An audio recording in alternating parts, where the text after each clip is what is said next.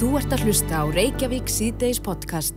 Já, það er ekki liðið síðan að nýtt ár gekk í garð hjá okkur og, og þá voru nú upp í áramóta heitt og Já, ég já. veit ekki hvort að menn hafi haldið það út eh, mánuðin, ég veit það ekki. Við á bóndadegi svona leita svara Mhm. við því, en um, ég setti mér ekki markmiðið þessu sinni en því er ekkert að, að kemur það ekkert í grein að láta af neinu eða, Nei, nei. eða, eða hvað en, en, En, en hefur þú prófað svona mataræði eins og keto? nei, ég hef eins og það var ekki forvitni mína. Já, Bragi, hefur þú prófað keto? Já, já, Uh, hvað varstu lengi í því? það voru, voru einhverju mánuður síðan þurfti ég að skapa til spánar og, Þá hrundi allt. já, já, land bröðana Já. Bakett. já, já, Akkurat. En það er komin út bók sem að heitir Ketoflex 331 Mhm. Og það er Þorbjörg Hafsteinsdóttir, næringafræðingur og rítifundur sem að skrifa þessa bók. Hún er komin til okkar velkomin.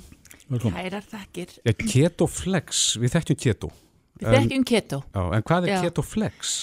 Sko, ketoflex, uh, sko, þetta er, auðvitað að fjallar þetta um keto mataræði sem að náttúrulega er það vinsalasta mataræði eða stefnan í heiminum í dag, alveg gífulega vinsæl. Er það af því hún virkar þessi? Já, hún virkar og það er sérstaklega er hún vinsæl, sko, eða ket, þessi stefna, eða keto mataræði, er vinsælt vegna þess að það virkar svo vel fyrir fólk sem vil létta sig. og það eru flestir í þeim aðstæðum að vilja leta sig eða allavega mjög margir, er það ekki 50% af þjóðunni hér sem gæti hugsanlega haft áhuga á því Já. Já, en ketoflexið er svona mín nálgun á því að því ég er alveg, það var einhver, sem að hérna uppafi talaði um, um, um kúr, hvað þetta sé enn eitt kúrin og ég segi nei, vegna þess að ég bý ekki og hann ekki kúra, en ég bý til lífstíls mataræðisprogram og ketoflexið 331 eins og ég kalla það, gerir okkur kleift að eh, fá meiri fjölbreytni og sveigjanleika í ketomataræðið sem að mörgum finnst vera mjög stránt og það eru ekki margir ef ég að segja eins og er sem að geta verið 100% á ketofæði e, alltaf Nei, það mun að- alltaf enda með ykkurju ykkurum, þú veist, svo fyrir við í frí eða svo er, kemur helgin og, og hvað gerum við þá en á ketoflex leifi ég meira en lofa samt sama árangri Já. Já, já. Þannig að það er þá kannski úthaldið sem að fer með fólk. Já, það er úthaldið og, og, og, þeim, og mörgum finnst það leiðinlegt þess að það er svolítið að miskilja að matar frambóðið og ráefnisframbóðið sé frekar af skörnum skamti eða skórnum skamti og það er það alls ekki. Það úrvalið er alveg ótrúlega mikið en að sjálfsögðu þá verðum við að fórna eins og brauði og einföldum kolvetnum og sigur náttúrulega algjörlega úti. Mm -hmm. Hér erum við svona að að fara í eh, að svolítið að telja og vera meðvitið um það hvað erum við að borða mikið af kolvetni og sigri á dag og það er alveg algjörlega í lægi að aga sér svolítið þar. Já. Þetta er svona sveigjanlegt keto en, en 331, hva, hvernig stýrum við Það það? þýðir það að í þrjá daga þá ertu svona frekar á, á svona ströngu fæði og svona ægin er mikill þar. Í þrjá daga þá getur leiftir meira af kolvetnum náttúrulega réttu típanum og öllu því, svo er einn dagur frjáls. Og er, það eru margir sem að eru mjög hrifnir af því að eiga eitt frjálsan dag í viku, þar sem að er einmitt sko gefið leifi fyrir að að fá sér glasa vín eða uppáhaldsísin eða trítið sitt eða hvað maður nú, þú veist, finnst gott. Takmarkalust. sko, ég veit ekki takmarkulust og þetta veist, þess vegna en þú veist, ef maður er komin á keto þá, þá, þá, þá fer heilinni svo mikinn aga því langar ekkit enn til að vera takmarkalaus á þessum frjálsa degi. Þannig að líka mann er ekkit að kalla á þetta lengur. En hvernig bregst líka með við þessu formi? Við vitum svona nokkurnu hvernig bregst við ketomatræðinu, þá, þá bara skiptir hann um orkugjafa, fer úr kolvetnum í fytuna, en, en eh, hvernig bregst hann við svona þegar að fólk er að flakka svona milli? Hann notar báða orkugjafana. Við erum með tvo orkugjafa, við erum náttúrulega með glúkosan sem er úr kolvetnanum sem við borðum og sem venjulega við erum á. Og svo getum við með, og þú segir, búið til ketónana úr fytunni, okkar helst okkar eigin fytu og þegar við erum orðin það sem við köllum fi- keto eða fytu aðlöguð, það tekur smá tíma að komast tanga, það tekur svona þrjár, fjóra vikur að, að komast í keto aðlögun þá erum við búin að kenna líkamannum að, að, að brenna fytunni og þá getum við alveg hoppað á milli að nota bæði glúkósun og ketonuna án þess að líkaminn fari í ykkur, ykkur sko, ykkur ketoflensur og læti En þú talar hérna um að endun ég líkamann á fjórum vikum. Já, Tekur það ekki lengri tíma? Eh, Nei, reyndar uh, tekur það, auðvitað tekur, getur það tekið lengri tíma að- fara í eitthvað annað. Það fer náttúrulega eftir hvaða, þú veist, hvar við byrjum. Hver ert þú þegar þú byrjar á þessu fæði? Og ef það er eitthvað mikið sem þarf að laga og uh, það er búið að vera í ykkur óhallustu í mörg, mörg, mörg ár, þá tekur það þeimin lengri tíma að sjálfsögðu. En eh, ég vil bara líta á þetta sem skemmtilegt ferðalag sem að maður fer í og, og þessar fjóra vikur á þessu prógrami þær, þær koma þér mjög vel af staði, það er að segja að prógrami kemur okkur mjög vel af stað. En líka með þarf að- líka að læra hann þarf að læra á að, að hvernig nota ég þessi þess, þennan mat? Hvernig, eh, svona þú veist, líffræðilega fer ég inn í að létta mig og fá meiri orku og kenna líkamannum að nota þetta nýja orkuefni sem er algjörlega þess virði að kenna líkamannum á. En það er svo mikill akkur í því, það er svo mikill bónus í að, að komast þangað.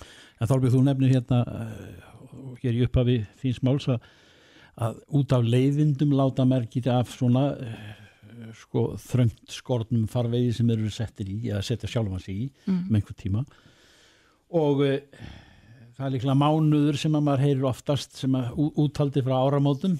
Uh, ég veit ekki hvort það hefur eitthvað breyst en, en ketoflex það eins og ég segi eh, sko, það kveður burt leiðindin. Eh, eða á þátt í því sagður Já, það kveður burtu þessi, þess, þenn, þessa fíkn, Já. geti ég kallað það vegna þess að það sem að verður kannski bæði fíkn og leiðindi, að mann fann að leiðast á þessu fæði, að e, það, það hjálpar ketoflex fólki til þess að finnast þetta að vera skemmtilegt og finnast þetta að vera eitthvað sem er gerlegt, þess að það eru verðlaun í bóði. Þú tekur þig svolítið á, þú er svolítið duglegur, dugleg í, veist, í viku og það, það fellur þér auðvelt að gera það þess að þetta er miklu einfaldlega og auðveldar heldur en fólk heldur í raun og veru. Vegna þess að mataraði er sett saman á þann hátt að það hættir að kalla á sigur og þessa eilífu að vera narta í eitthvað alltaf. En svo vil maður líka fá að skemmta sér svolítið um helgar. Og það fær maður alveg leifi til.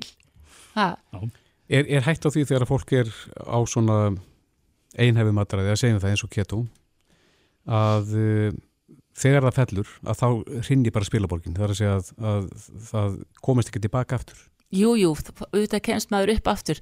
Maður það bara að hætta að refsa sjálfu sér og segja, ok, nú er allt unnið fyrir gíg og nú ætla ég að refsa mér og bara, þú veist, fara á fyllir í aftur í allir þessi sem ég má ekki fá og ég bara hætti það hættur vegna þess að er hvort þið er ekkert að virka. Þetta attitút er náttúrulega heldur ekki að virka. Nei. Þannig að ef maður fellur eins og við kollum það eða það gerist eitthvað sem að þú veist að já, ég fór út úr sporinu, þá bara já, ok, en so what? Þú veist, bara byrja upp á, upp á nýtt og byrja aftur.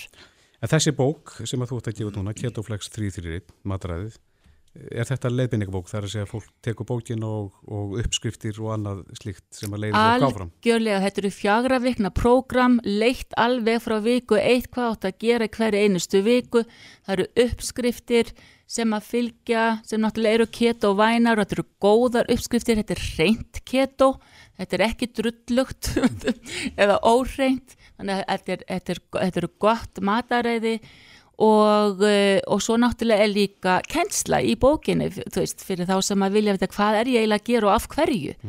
Þannig að uh, það er þetta að, að fá vera svona verilega gott prógram með því að lesa þessa bók og fara eftir henni. Já. Helst fara eftir henni. Þorbjörg Hafsteinsdóttir, næringafræðingur og rítuvöndur til hann með bókina Hvar, hvar, hvar fæst hún?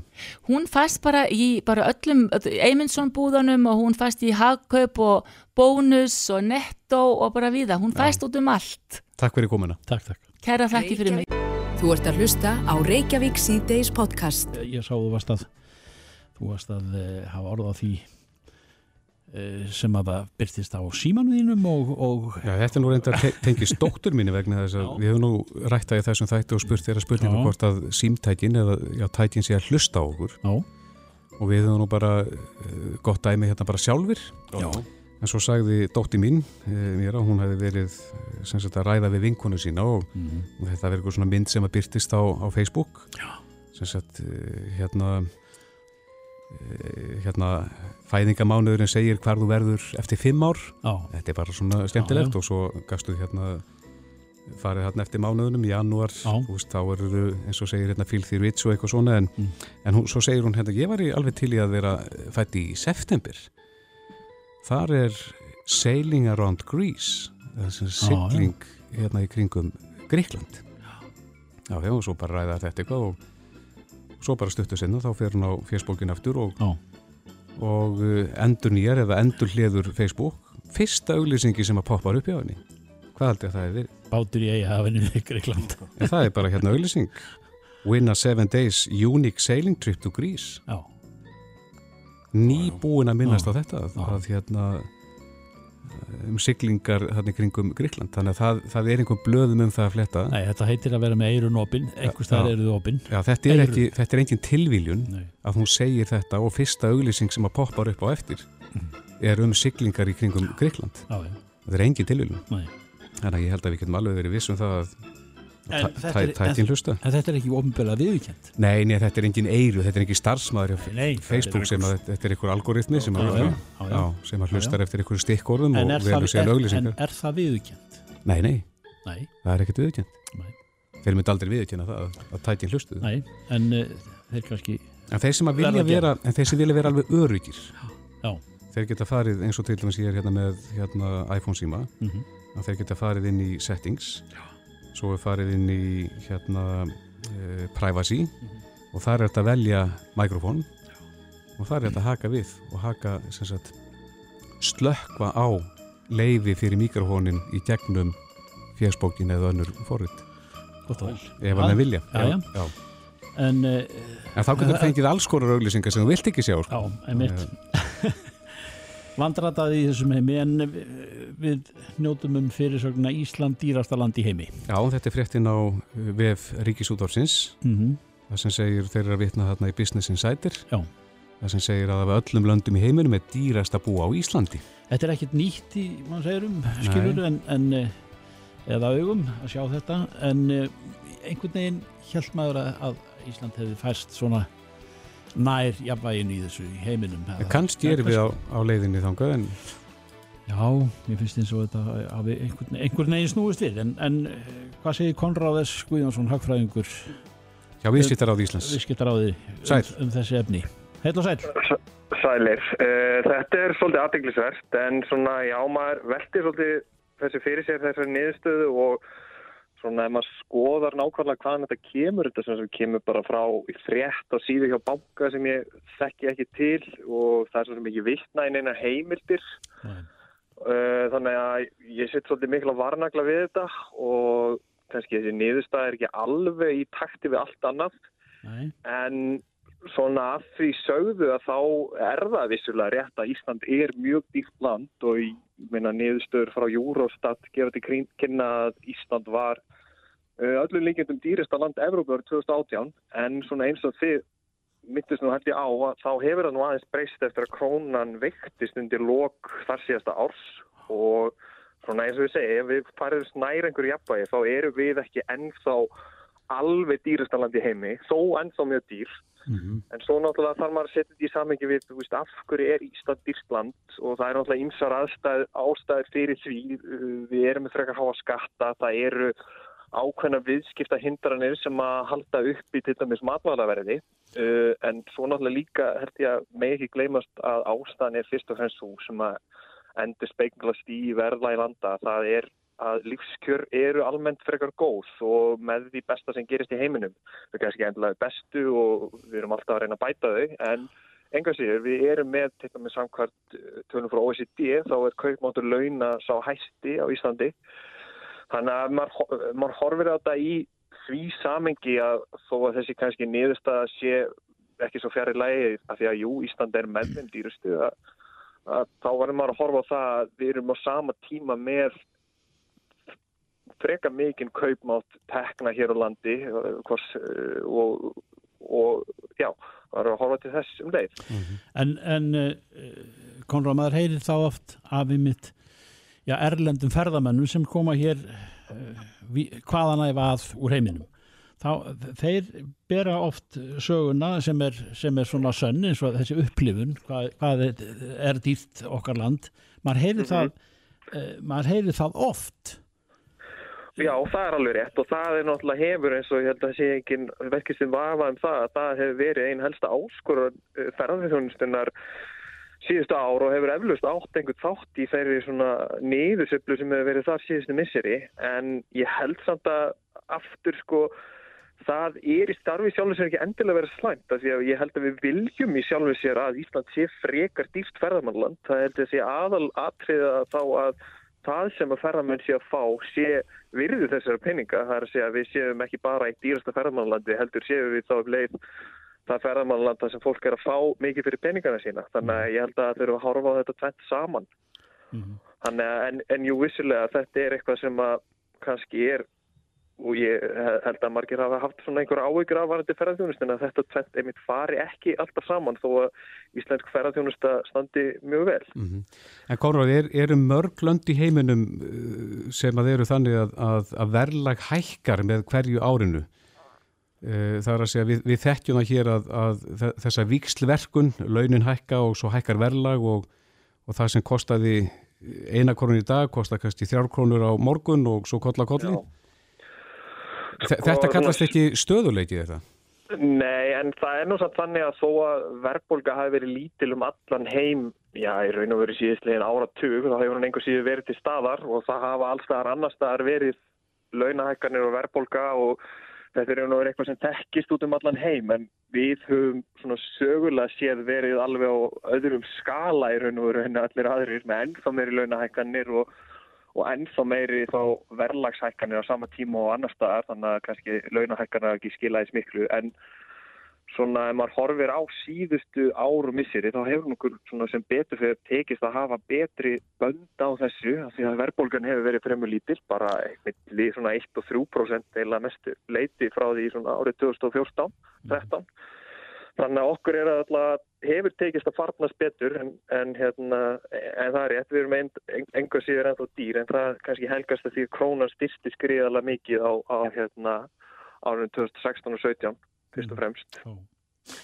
En þú eh, telur semst að við þurfum ekki að hafa áhyggjur af því að við séum dýrir á því en, en, en kannski ekki alltaf langdýrastir allstaðar, alltaf heldur að menn fái þá fyrir, fái þá ærlega upplifun og, og, og, og menn spyrja ekki um verð, það er svo gott að vera ekki ferðamadur sem að skipti máli. Vi, við getum orðað að þannig að það sé ekkit sjálfstætt vandamál endilega að verði sé, sé hátt eitt og sér. Ég held að það sé aðal kannski þá að hafa áhyggjur af því að það sem að ferðamenn og aðri sem að vestlaðu okkur íslandingar að fá fyrir peningin að það sé kannski ekki þessi virði fyrir það hvað allt er hér dýrt. Og það er kannski það sem að fara að pæli og þá að sjálfsögur náttúrulega eðlert að spyrja þeirra spurningar þegar eins og segi Ísland er með einn dýrstu löndum á byggðu bóli. En eins og segi það einhverju endur speglast í góðum lífskjörum sem að standa undir sér. Þannig að þetta er bara eins og með margt annað það þarf að velta upp mörgum hliðin á þessu og fylgjast bara með þróunni Já, Konráð S. Guðjónsson hægfræðingur hjá Viðskiptaráði Kæra þakki fyrir þetta og góða helgi Takk, sumulegis Reykjavík síðdeis á bylginni Já, Reykjavík síðan þessu vilginni, klukkan átt að myndi gengin í 6. Ég, ég sé hérna í fréttin á New Scientist. Það eru að tala um uh, tilurinu með hænur. Já. Og þeir eru færðin að nota hérna CRISPR hérna aðferna við að, að uh, svona fykta þessi í genamengi dýra mm -hmm. og í þessu tilfelli kjóklinga. Já. Og... Uh, nú eru þau búin að framleiða hænur sem að eh, þóla vírusa miklu betur heldur en Já. aðrar hænur Já. og þeir eru að tala um það að þetta geti nýst vel það er að segja þegar það kemur að, að aliföglum sem að síkingarhætta breytist Já, það, það síkingarhætta nánast hverfur eða mm. ná að, að þróa þetta betur Já, fara genetísku leðin í þessu Já, já, akkurat mm. En eh, við erum hins vegar af, af veiki eða hvað maður kallar þetta koronavírusin, koronavírusin. Mm -hmm. og nú er komin til sögunar viðbrásáallin í lefstöð vegna Wuhan veikinar mm -hmm. Þóróla Gunnarsson, sóttvartanlegnir á línu Sæll. Já, sælir. Þetta svona tekur ímsum breytingum í að manni finnst í alvöru átt. Er, það eh, satt og rétt? Einhvern Já, sko, við erum náttúrulega verið á undanförnum dögum að fá bara meira og meira upplýsingar um Já. þetta þegar að í byrjun var þetta stált óljóst og, og talið að, að þessi vírus var ekki að smítast á milli manna og, og þá voru nú menn til dæla rólegir og, og síðan komu nú upplýsingar um jú að það gæti gerst og en nú eru upplýsingarna þannig að það, það er greinilegt að, að, að dreifingin er meiri milli manna en, en áður var talið. Og, og, og sem þýðir þá vantarlega að það er meiri hætt á dreifingu bara úr milli landa og svo og, en, en þó er það þannig að, að flestar þær sýkingar sem hafa verið staðfestar við svegar um heiminn eru hjá einstaklingum sem hafa verið þarna í Wuhan borg. Þannig að það er rétt að halda því til haga. Þannig að það verist vera aðal uppstrætt að nú er búið að loka fyrir allar samgöngur þaða þannig að þannig vonandi mun það einhverju skila. En nú var það, var það í fréttum að þetta væri komið til hvað, Finnlands eða? Já, það, er, það er ekki búið að Nei. staðfesta það sko, þannig að það kom alls konar fréttur um alls konar tilfelli og maður er nú svo sem ekki að hoppa hæð sína yfir því. Það er bara sem gildir, er, er þetta staðfest eða ekki? Og svo er þetta náttúrulega spurningin um það hvers, hversu skæð er þessi veira, hversu illa fer hún með menn og, og, og en það virðist nú vera að, að það sé ekki þannig að þetta sé mjög skæð veira þó að það við 26 eins- einstaklingar látist svo staðfesti er en svo tala kann eh, vel að breytast á næstu dögum. En í ljósið þessara auknu útbreyslu að þá höfum við verið bara að auka við okkar vinnu og það er ekki búið að lýsa yfir neinu óvissu stíð en eitt slíkt en, en eh, við höfum verið að undi, eh, búa til ákveðna viðbrasa áallanir hér með fjölmörgum aðilum á undanfærdum árum og og við náttúrulega notum vinnulægið í svona viðbrasa áallanum til þess að vinna þessa undirbúningsvinni sem við þurfum að gera. Út af hvað gengur þessi viðbrasáallin? Hvað, Já, við já, hverju má hún- fólk búast? Já, hún gengur hreinlega út á það að, að, að eh, vera meira vakandi í Keflavík til dæmis fyrir einstaklingum sem annarkort er að koma síktir hinga til lands eða, hugs, eða smitaðir. Hvernig veit fólk það í leifstöð að fólk sé Já, hugsanlega smitið? Fólk í leifstöð veit það kannski ekki endilega en við munum reyna nálgast farþegana sem eru að koma hinga til lands með ákveðinu skilabóðum, til dæmis SMS eða slíku til þess að, að vara fólk við að ef að það er veikt og er að koma frá Wuhan borg eða hefur verið að umgangast veika einstaklinga eða þó því sé ekkit veikir að ef þeir hafa verið e, koma frá borginni á síðastlunum 14 dögum því að það tekur 14 daga að veikjast að þá að, að gera þá vart við sig og, og hérna þannig að og við munum hafa ákveðna áallanir gangi gagvart þessu fólki sem mun gera vart við sig. En Þetta er ekkert komið að- að það stiga að þið farið að hitamæla fólk sem kemur frá þessum slóðum? Nei, það hefur engan tilgang, en hafa reynt það í fjölmörgum svona faröldrum um vísvegar um heiminn og, og, og hérna sóttarnastofnun Evrópu hefur tekið það fyrir og, og, og lagt á það mat og, og, niðurstaðan er svo að þetta sé uh, skili nánast engu en mjög miklum tilkostnaði. Þannig að, þannig að þetta er svona uh, í mínum hugar hefur það engan tilgang að gera það að það mötu taka í alla okkar starfskrafta og skila mjög litlu og sömuleiðis spurningalistar sem er lagðir fyrir farþega að þeir geta verið uh, skila oft ekki mjög miklu. Þannig að við þurfum að nálgast fólk á, á, þann, á þann hátt sem við teljum vanlegast en auðvitað munum við ekki finna alla, það er bara þannig. Já, en Þorvaldur, nú er e, þessu skilt, nú er, hefur það verið, e, var í fréttum fyrir stöttu og er víst á plönum að, að kínverjar hefji reglubundi áallunaflug frá einhverjum ónefndum borgum í Kína hinga til hans á vordögum, ef ég tók rétt eftir, það eru þ- þannig, þannig tengsl eh, verða væntanlega vöktuð, samkvæmt ég við bara áallun. Nei, það er viðbröðsáallanir lúta nú ekkert að því að, að vakta alla kynverja sem koma hinga til lands og, og þeir, þeir náttúrulega ferðast víða og hafa verið farþegar hér og, og ég held að maður er ekki að líta svo á að, að, að kynverjar almennt sé einhver sérstakur áhættuhópur eins og staðan er núna. Þá er þetta fyrst og fremst fólk sem hefur verið í Wuhan borg og, og þannig lítum við á það er náttúrulega fjölmarkir og ég á ekki vona því að, að með fara að vakta þannig sérstaklega um, umfram annað Nei, en það, það það bara að skoðast og, en ég á ekki vona því nei. Hver er staðan á flensunni, þessari árlegu? influensinu og það Já. er svo skrítið með hana við fylgjumst með greiningum úr hilsugjastlunni uh, sem að læknar setja í, í sjúkraskrár kerfin og það er eins og hafi uh, hálf hægt á henni núna undanfarið en það gerist nú ofta svona svo aðeins hægist á henni og svo tekur hann aftur á rás þannig að ég veit ekki hvað, hvað á að leggja út í það hún er allavega ekkert komin um eitt mikið skrið eins og staðinni núna Nei. Þórólu Guðnason, sóttvarnarlegnir, kæra þakki fyrir þetta.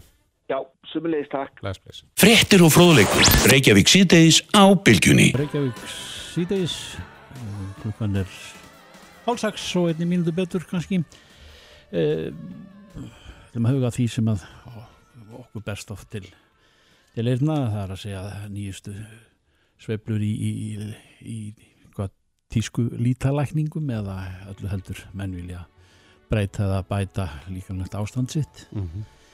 Eh, Þetta er að sjálfsögðu uh, við fendt svið fyrir þá sem að eru fagmenn í þessu og, og en, en með takmörkunum að menn get ekki, menn get ekki breytt líkamannum uh, eins og þá listir þar að segja breytt lögun hans. Í- fengist við það miklu móð til dæmis í, í bandaríkjónum þetta er partur af showbusiness en uh, það er líka af illir nöðsin sem að menn menn eh, vilja komast til lítalæknis en svona til þess að átt okkur á því hvað er svona eh, efst á baugi í þessu þegar við horfum til svona ef við, við mætti orða það sem svo eh, sem er í, mest í tísku að eh, fá breytingu á eða, eða leita til lítalæknis með uh, í símanum er Guðmundur Már Stefánsson hann er lítalæknir í Dómus Medica Heil og sæl Góðan daginn. Já, hverju myndur þið svara því? Hva, hver er svona þessi listi sem er yfir það sem að mest er leitað eftir til ykkar? Hvað var það breytingar á? Ég held að svona, ef maður horfir svona í, í, yfir festið að það fer töluvert mikið eftir aldrei viðkomandi sjúklings, ef við getum kallað þetta sjúklinga, hvað uh, fólk er að beðja um. Uh, ungar konur til dæmi sem er nú okkar uh, já, mjög stór viðskiptahópur hjá okkur að þær hafa, já hvað ég segja, löngum verið að uh, byggja um aðgerðin eins og brjóstastækkanir með silikompúðum og uh, svo undan farin ár hefur það fæst í vöxt að uh, konur hafa komið og vilja fá já, einfaldari aðgerðin eins og fyllefni í hrukkur. Og það er alveg ljóst að þær aðgerðir orðnar gríðarlega vinsalar og mikil, mikil, mikil eftirspurn eftir þeim. Bæði fyllefni til þess að mingar hrukkur og síðan er hægt að setja fyllefni líka til að spekka á hvernig líkamsluta. Uh, til dæmis það er mjög algengt í dag að konur er að láta setja fyllefni í varir til stekkunar vara, hafa eflaust fyrir myndir frá Amríku í því efni. Mm -hmm. Mér finnst samt eins og það hafi aðeins dreigið úr þeirri eftirspurn undanfarið. Er það út af kannski uh, að, að það að stækka varirnar er ekki, það er ekki auðvelt verk og, og hættulaust? Það er náttúrulega ekkert sem við gerum algjörlega hættulaust en áhættan að uh, eitthvað misfarist er lítill en þó það getur verið að uh, það blæði og það myndist örvefir í vörum eða eitthvað sem að tekur langa tíma að lagast. Það geta verið misspellur sem að þurfi frekar í meðferðar við. En eh, svona, mér finnst í dag svona, það, ástand er að breytast aftur í svona eðlilega átt þannig að konur og karla, því að við gerum þetta líka fyrir karla, vilja líta, hvað ég var að segja, eðlilega, eðlilega út náttúrulega út. Kannski fá ekki ja, íktar uh, stækkanir á líkamsparta.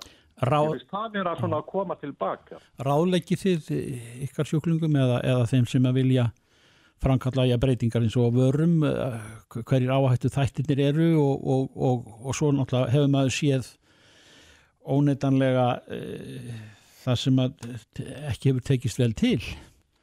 Svo vægt sér til orða tekið að sjálfsögðu en það verður að taka fram að það er ekki bara lítalæknar sem er að spröyta fyllefnum í andlit hvenna og karla. Nei. Það er líka ófaglagt fólk því að það er ekkert eftirlit með þeirri starfsemi sem er mjög skrítið á okkar mati. Hins vegar er bótóks með þær svo kalluð þegar við spröytum efni í til dæmis ennishrukkur og í kringum augu til þess að uh, minka hrukkur. Mm. Það er uh, eftir lit skilt af landlæknisembættinu og uh, það eru líka gríðarlega vinsalar aðgerðir á, já, segja, á öllum aldri. Já. Það, það minkar hrukkur á enni og í kringum augu. Það er svona aðal notað bótóks. Eh, ná, Botox en, en, en eh, að lifta rassi sem maður hefur nú séð líka Jú, Og jú, jú, tíðindar. jú. Vi, við, fá, við fáum alls konar beðnir en uh, það, þær aðgerðir hafa gefið mjög misgóðan árangur og ég held ég fullir þið það að þær eru ekki gerðar á Íslandi. Nei, Ekki svo ég viti allavega. nei, Hins vegar er stundum uh, tekin fita einhver stað til þess utan að lærum eða maga og, og, og, og sprautað í raskina til þess að að stækka aðeins raskina. Það hefur verið gert en, en langt frá því vinsalar aðgerðir. mhm, einmitt. Síðan er náttúrulega já, ný uh, tegund af sjúklingum. Við vitum það náttúrulega að offita hefur verið heilsufass vandamál á Íslandi Mhm. og uh, ef að fólk næri ekki að grenna sig sjálft með uh, því að fara í ræktin eða að huga mataræðinu þá, hafa, þá, þá er orðið vinsal þessar svo kalluðu já, hvaða megrunar aðgerði þar sem að uh, er uh, þar sem mestingavegurinn er takmarkaður með aðgerðum Mhm. og fólk hefur mist já, fleiri tíu kílóa eftir setur fólk kannski komið niður í eðlilega vikt en með húð hangandi á ýmsum stöðum Mhm. á ég þá sérstaklega við uh, húð á maga þar sem eru gerða svo kallar svönduagerðir en það geta líka verið laus húð á lærum og handleggjum og í andliti og þetta getur, þetta getur títt fyrir marga, mjög margar aðgerðir ef að, ef að á að nást gott samræmi í útlitið. Já. Þannig að, að þeir sem eru feitur og, og hafa grenst og ætla í fægrunaraðgerðir kaupa þá oft mjög dýru verði. En Guðmundur, eh, þetta kannski eins og þú gast um að eru kannski frekar konur en, en, en karlar. Eh, þá rekum við minni til þess að hafa heyrt af því að algengasta líta aðgerð sem að kallar leita eftir það er, það er eh, minkun brjósta. Hún hefur verið, já, hún er, hefur verið töluvert vinsæl og, og, og allan minn feril hér á Íslandi hef ég mikið unni við það og við kollegarnir. Eh, Brjósta kallmanni geta bæði stækkað af því að það sapnast fita fyrir í brjóstinu. Og uh, síðan má ekki gleyma því að það er ákveðin hluti af brjóstastækkunum karla sem að stafar af notkun svo kallega vakstarhormóna og það eru fyrst og fremst kannski yngri kallmenn sem hafa verið nota stera í vakstarræktar tilgangi. Það er líka algeng orsök fyrir brjóstastækkun, Mhm. steranotkun. Þannig að fytursog á brjóstum karla svona er mjög algeng en stundum þarf að gera skurðagerð til að fjalla í að brjóskirtilin ef að hann hefur stækkað að völdum steranótkunar. En það má ekki gleyma því að brjóstakirtil kalla getur líka stækkað af náttúrulegum orsökum, einhverjum hormonatröflunum í líkamannum og uh, það er stöðu eftirspurna eftir slíkum aðgerðum. Já. Og svo náttúrulega þegar við eldumst og uh, þá koma meira inn í festið aðgerðin eins og að laga póka í kringum augu, um, þar uh, lifta slöppum brjóstum, andlis liftingar og annað slíkt. Mhm. Það er svona algengara aðgerð á konum sem að eru konar yfir miðjan aldur. Mitt. Já, eh, Guðmundur Má Stefansson, lítalæknir. Eh, kæra þakkir fyrir að veit okkur eða litla einsýn inn í, inn í þessa veröld en, en eh, þetta ber fyrir augu í ýmsum myndum í, út um allt á netinu og tímarindum og hva, hva, hvar sem er og, og oft, er, oft erfitt átt að sjá því hvað er, hvað er svona innan eðlilega marka og hvað ekki en takk fyrir að lega okkur að, að kíkja á þetta aðeins með þér. Takk. Mín, mín var ánægum. Reykjavík síðdeis á Bilginni podcast.